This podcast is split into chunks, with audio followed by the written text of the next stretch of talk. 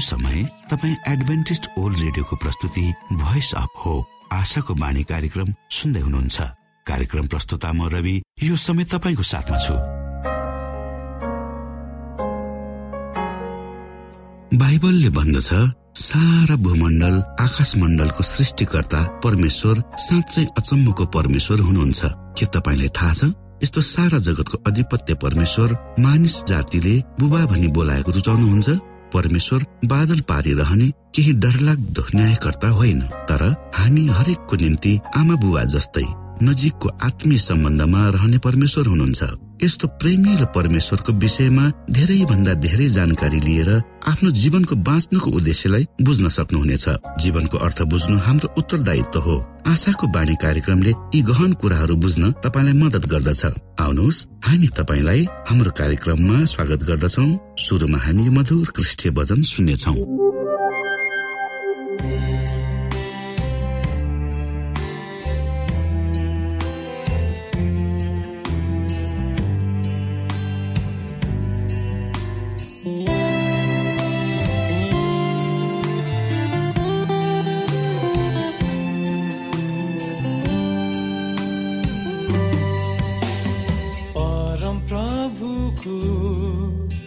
बाटो हेर्छु।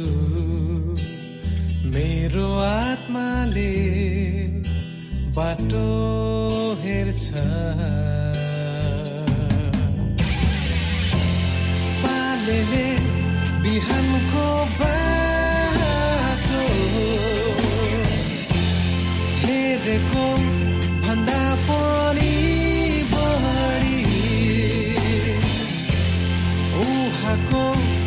वचनमा आशा गर्दै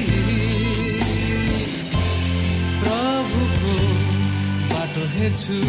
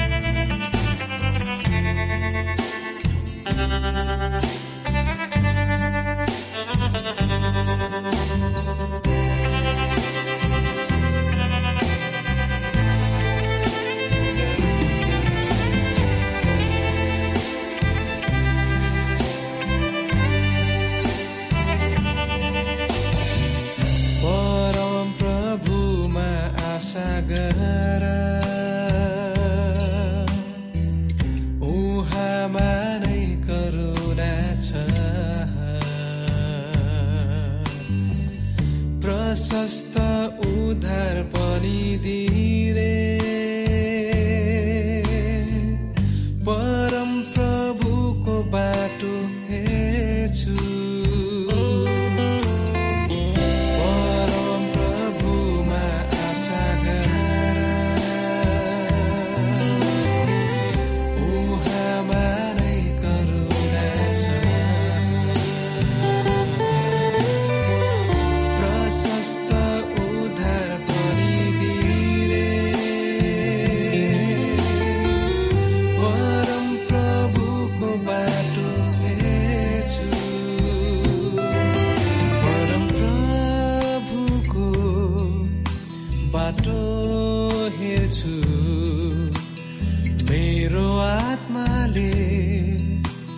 satu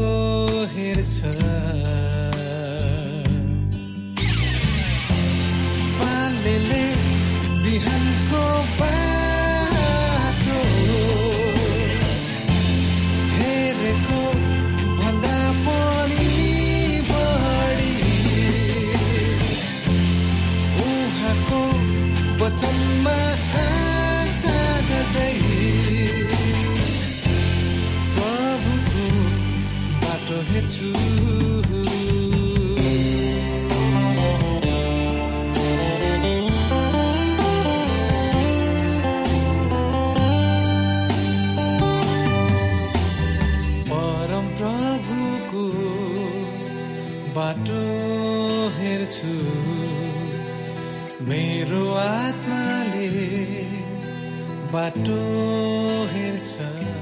यो समय तपाईँ एडभेन्टिस्ट ओल्ड रेडियोको प्रस्तुति भोइस अफ होप आशाको बाणी कार्यक्रम सुन्दै हुनुहुन्छ। श्रोता मित्र यो समय हामी पास्टर उमेश पोखरेलबाट आजको बाइबल सन्देश सुन्नेछौ। श्रोता साथी न्यानो क्रिस्टी अभिवादन। म तपाईँहरूको आफ्नै आफन्त अर्थात् पास्टर उमेश पोखरेल परमेश्वरको वचन लिएर यो रेडियो कार्यक्रम मार्फत पुनः तपाईँहरूको बिचमा उपस्थित भएको छु। मलाई आशा छ तपाईँले आफ्नो जीवनलाई परमेश्वरमा सुम्पन्नु भएको छ र दिन प्रतिदिन परमेश्वरको अगुवाईमा आफूलाई अगाडि बढाउँदै हुनुहुन्छ। श्रोत साथी तपाईँहरूका कुनै समस्याहरू छन् जसको लागि तपाईँ हामीले प्रार्थना गरिदिउँ भन्ने चाहनुहुन्छ भने कृपया हामीलाई लेखेर पठाउनुहोस्। हामी निरन्तर प्रार्थनारत छौँ परमेश्वरले तपाईँहरूलाई उहाँको बाटोमा अगुवाई गर्नुहोस्। यही हाम्रो कामना पनि छ। आजको प्रस्तुतिलाई पस्कनुभन्दा पहिले आउनुहोस् हामी परमेश्वरमा अगुवाईको लागि बिन्ती राखौँ।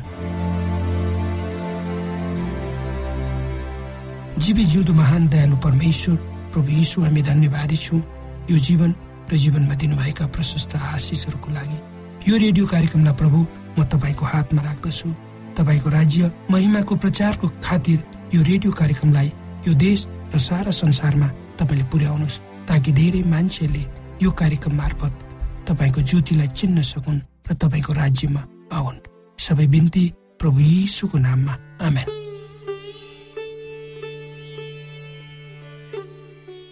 श्रोत साथी के तपाईँ कहिले छक्क पर्नु भएको छ?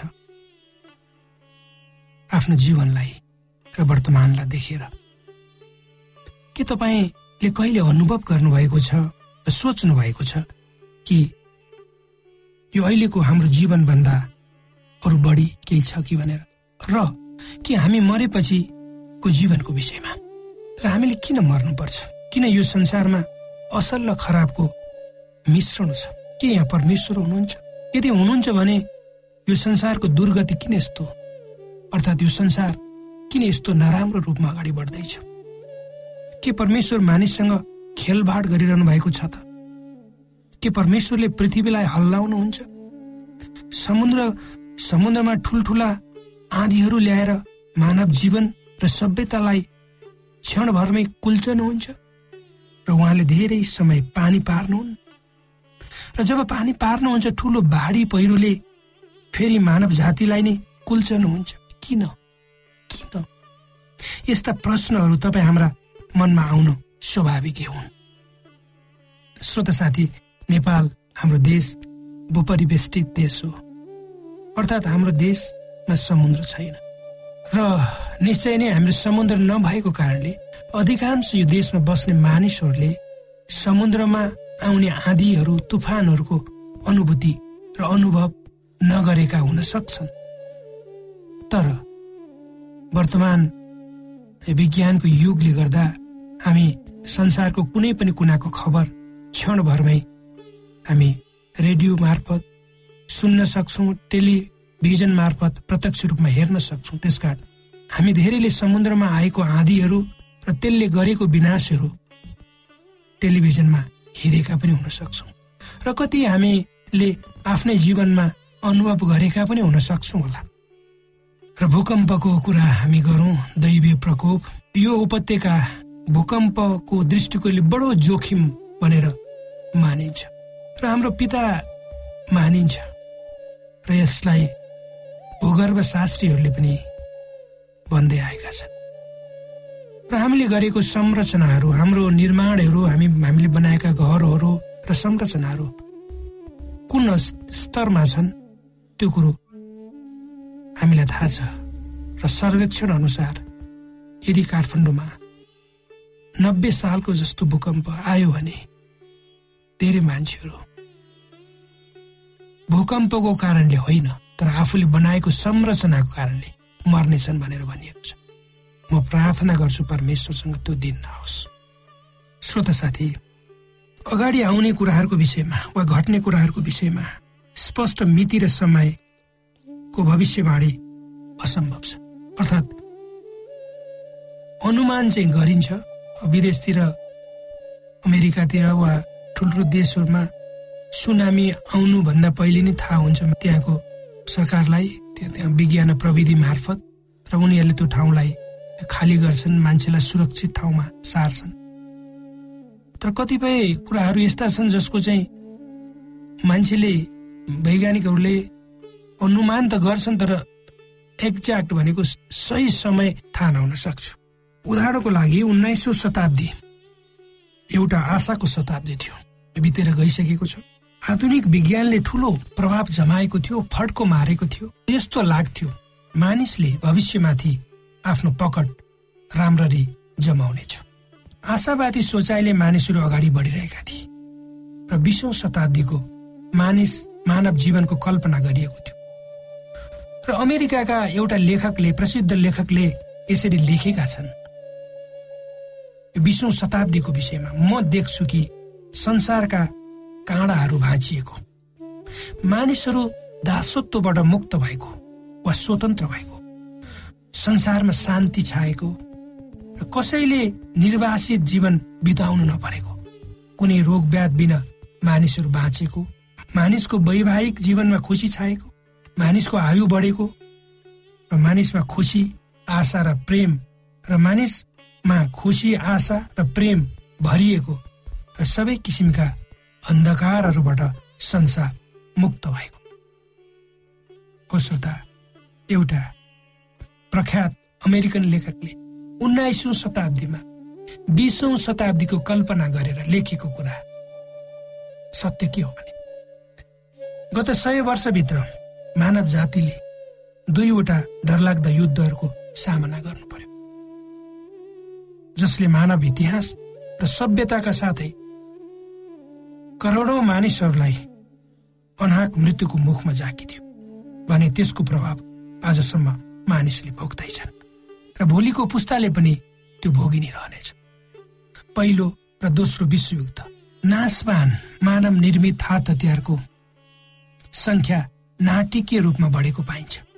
विशेष गरी यो सय वर्षभित्र मानिससँग भएको सिप र बुद्धिले यो ग्रहबाट मानिसको नाम निशाना क्षणभरमा मेटिदिन सक्छ श्रोता। त्यसको साथसाथै आजको संसार आतंकवादसँग लडिरहेको छ। हामी सबै लडिरहेका छौँ। त्यसैले र त्यसको प्रभाव आजको समाजमा प्रत्यक्ष रूपमा परिरहेको हामी पाउँछौँ।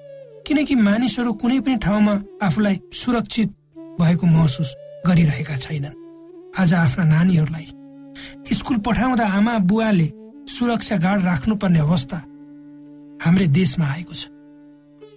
चाहे तपाईँ बसमा वा ट्रेनमा वा प्लेनमा जहाँ भए पनि जसरी पनि यात्रा गर्नुहोस्। तपाईँलाई ठुलो भयले गाँचेको हुन्छ। भविष्यमा हुने युद्धहरू विगतका युद्धहरूभन्दा फरक किसिमका हुनेछन्। ती हुन् एउटा देशले अर्को देशको कम्प्युटरमा आफ्नो नियन्त्रण लिएर त्यस देशको गोप्य सूचना प्राप्त गर्ने। र भर्खरै हामीले केही हप्ता अगाडि सुनेका थियौँ यो यो विवाद अमेरिका र चाइनाको बिचमा भएको। समुद्रहरू टापुहरू र प्राकृतिक स्रोत र साधनहरूमा आफ्नो अधिपत्य जमाउने किसिमका युद्धहरू। तपाईँलाई थाहा छ जापान र चिनको बिचमा पनि केही टापुहरूको विषय लिएर विवाद बढिरहेको छ। आतंकवाद र विभिन्न रोगहरूले मानव भविष्यलाई अझ कष्टकर बनाउनेछ प्रभु येसुले स्पष्ट रूपमा भन्नुभएको छ यी सबै घटनाहरूले जब संसारलाई त्रसित पारिरहेको हुन्छ तब हामीले जान्नुपर्छ कि उहाँको आगमन नजिकै छ संसारको इतिहासको अन्त्य हुँदैछ। आजभन्दा दुई हजार वर्षभन्दा अगाडि एउटा मानिसको जन्म भयो। उहाँ एउटा सामान्य परिवारमा जन्मनु भयो जोसँग कुनै शैक्षिक योग्यताको प्रमाणपत्र थिएन श्रोता। आर्थिक रूपमा उहाँ विपन्न हुनुहुन्थ्यो। उहाँका साथीहरू शक्तिशाली थिएन। ती मध्ये जो थिए ती मध्ये एउटाले उहाँलाई धोका दियो र एउटा अपराधीलाई गरिने व्यवहार उहाँमाथि गरियो र उहाँलाई मारियो। र त्यही साधारण मानिसको जीवनशैली शिक्षाको कारणले आज हजारौं मानिसहरू उहाँद्वारा साँचो जीवनको मार्गमा अगाडि बढिरहेका छन्। यी सबै मानिसहरू उहाँको कारणले आफ्नो जीवनको उद्देश्य प्राप्त गरिरहेका छन्। उहाँको आगमन हुने समयसम्म कसरी संसारको इतिहास परिवर्तन हुनेछ भन्ने कुरा उहाँले आफू मर्नुभन्दा पहिले भन्नुभयो अर्थात् प्रभु यीशुले भन्नुभयो।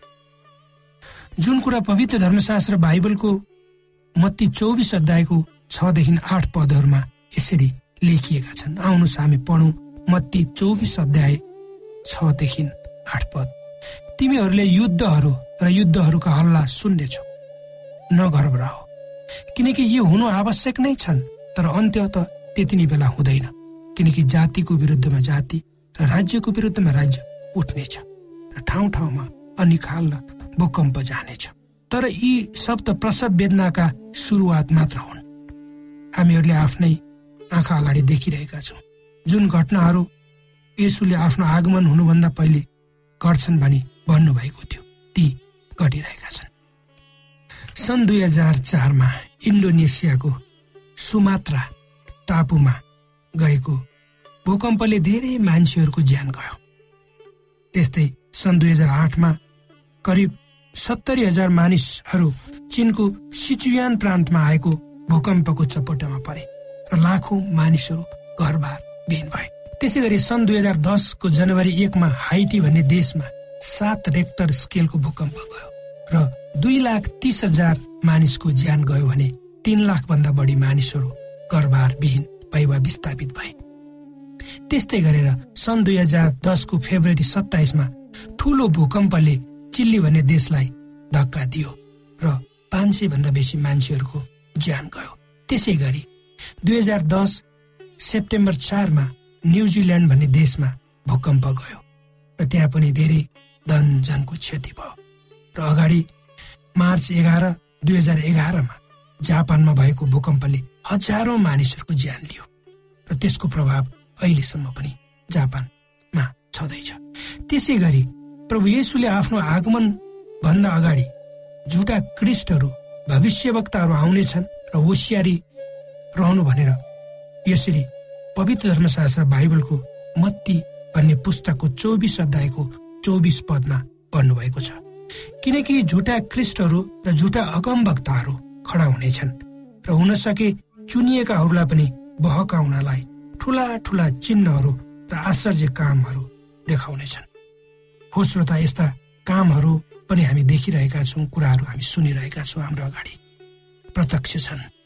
आजको युगमा एक बिलियन मानिसहरू दैनिक आजको युगमा एक बिलियन मानिसहरूको दैनिक आमदानी एक डलर भन्दा कम छ चौरासी रुपियाँ भन्दा कम छ।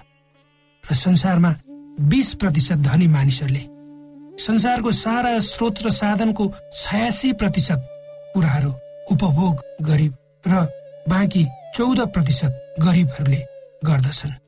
आठ हजार मिलियन मानिसहरू उचित भोजन पाउँदैनन् र भोकै बस्न बाध्य हुन्छन् आज संसारमा धेरै मान्छेहरू। श्रोत साथी यी सबै संसारका घटना क्रमलाई हेर्ने हो भने यो निश्चित हुन्छ कि हामी इतिहासको अन्तिम घडीमा बाँचिरहेका पुस्ता हौ। हामी माथि अनिश्चित भविष्यको कालो बादल मडारिरहेको छ। आजको तपाईँ हाम्रो जीवन यसोले दुई हजार वर्षभन्दा अगाडि भन्नुभए अनुसारको छ। भन्दा अत्युक्ति नहोला।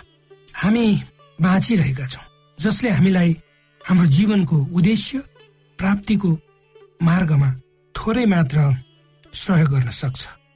र हामीले हाम्रा आशाहरू यसमा मात्रै केन्द्रित गर्यौँ भने त्यसबाट निराश मात्र हामीले पाउँछौँ। के हामी यस्तो अवस्थामा आफ्नो भविष्यप्रति चिन्तित छौँ त? के हामी डराएका छैनौँ? तर परमेश्वरले यी सबै कुराहरूको बावजुद पनि सबै कुराहरूलाई उहाँले नियन्त्रण गर्नुहुन्छ भनेर भन्नुभएको छ। यद्यपि यसुले भन्नुभएको छ सङ्कटको घडी अझै आउँदैछ तर उहाँ हामीसँग ढाडस र तर उहाँले हामीलाई ढाडस र आशा पनि दिनुभएको छ कि जब हामी प्रतिकूल अवस्था भएर आफ्नो जीवनमा अगाडि बढ्छौँ तब उहाँ हाम्रो साथमा हुनुहुनेछ। यदि उहाँले भन्नुभएको कुरालाई हामीले स्वीकार गर्यौँ मान्यौँ भने वर्तमानको अन्धकार र अस्पष्टताको बावजुद हाम्रो आउने भविष्य उज्जर हुन्छ। उहाँले भन्नुभएको छ हामीले साहस देखाउनुपर्छ। हाम्रो जीवन जस्तो सुकै प्रतिकूल अवस्थामा किन नहोस्? किनकि परमेश्वरले अहिले पनि तपाईँ हामीलाई प्रेम गर्नुहुन्छ हाम्रो चासो राख्नुहुन्छ र एक दिन उहाँले हामीलाई कल्पना गरेको भन्दा धेरै धेरै परको महिमित कुरा दिनुहुन्छ जसको विषयमा हामीले कदापि कल्पना गरेका हुँदैनौँ।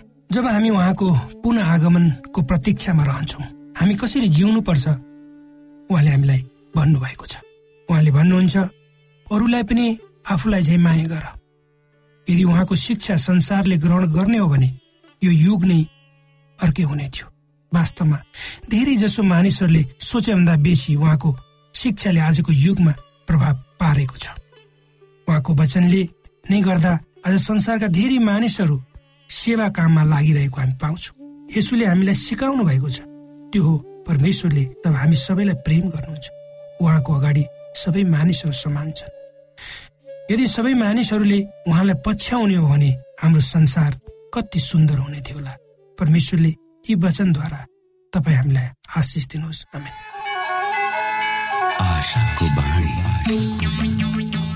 श्रोता भर्खरै यहाँले पास्टर उमेश पोखरेलबाट बाइबल वचन सुन्नुभयो।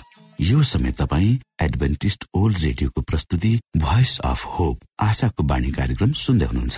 कार्यक्रम सुनेर बस्नुहुने सबै श्रोतालाई हामी हाम्रो कार्यक्रममा स्वागत गर्न चाहन्छौ।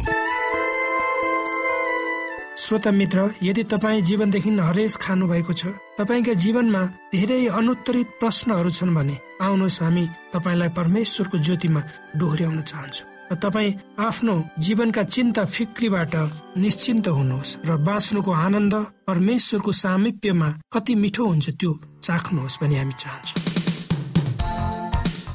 श्रोता यदि तपाईँ आशाको बाणी कार्यक्रमलाई अनलाइन सुन्न चाहनुहुन्छ वा डाउनलोड गर्न चाहनुहुन्छ भने ओआरजीमा जानुहोस्। त्यहाँ तपाईँले प्रत्येक दिनको कार्यक्रम सुन्न र डाउनलोड गर्न सक्नुहुनेछ।